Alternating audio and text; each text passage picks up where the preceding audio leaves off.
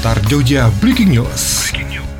Selamat malam, inilah update informasi terkini dari proses evakuasi sejumlah korban hanyut di Sungai Sempor, Dukuh, Desa Donokerto, Kecamatan Turi, Sleman. Hingga malam hari ini proses evakuasi terus berlanjut. Siswa yang hanyut diketahui berasal dari SMPN 1 Turi, Sleman. Pendengar kami beberapa saat yang lalu berhasil menghubungi PMI Sleman untuk mengupdate uh, keterlibatan PMI Sleman terkait dengan proses evakuasi di lokasi. Berikut penjelasan Pak Sarjuri dari PMI Sleman kepada kepada Star Jogja? Ya, ada sementara ini yang yang ada di lapangan ada 10 tambah 24 34 personel.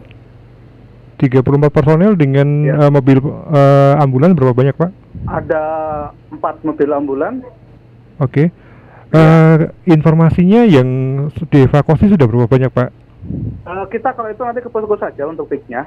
Ya, kita di sini kalau kami masih sekedar untuk operasi teman-teman. Jadi untuk data fix nanti itu yang di biar BPD sebagai pengendali operasi yang menjelaskan. Jadi nanti tidak informasinya simpang siur. Oke. Okay.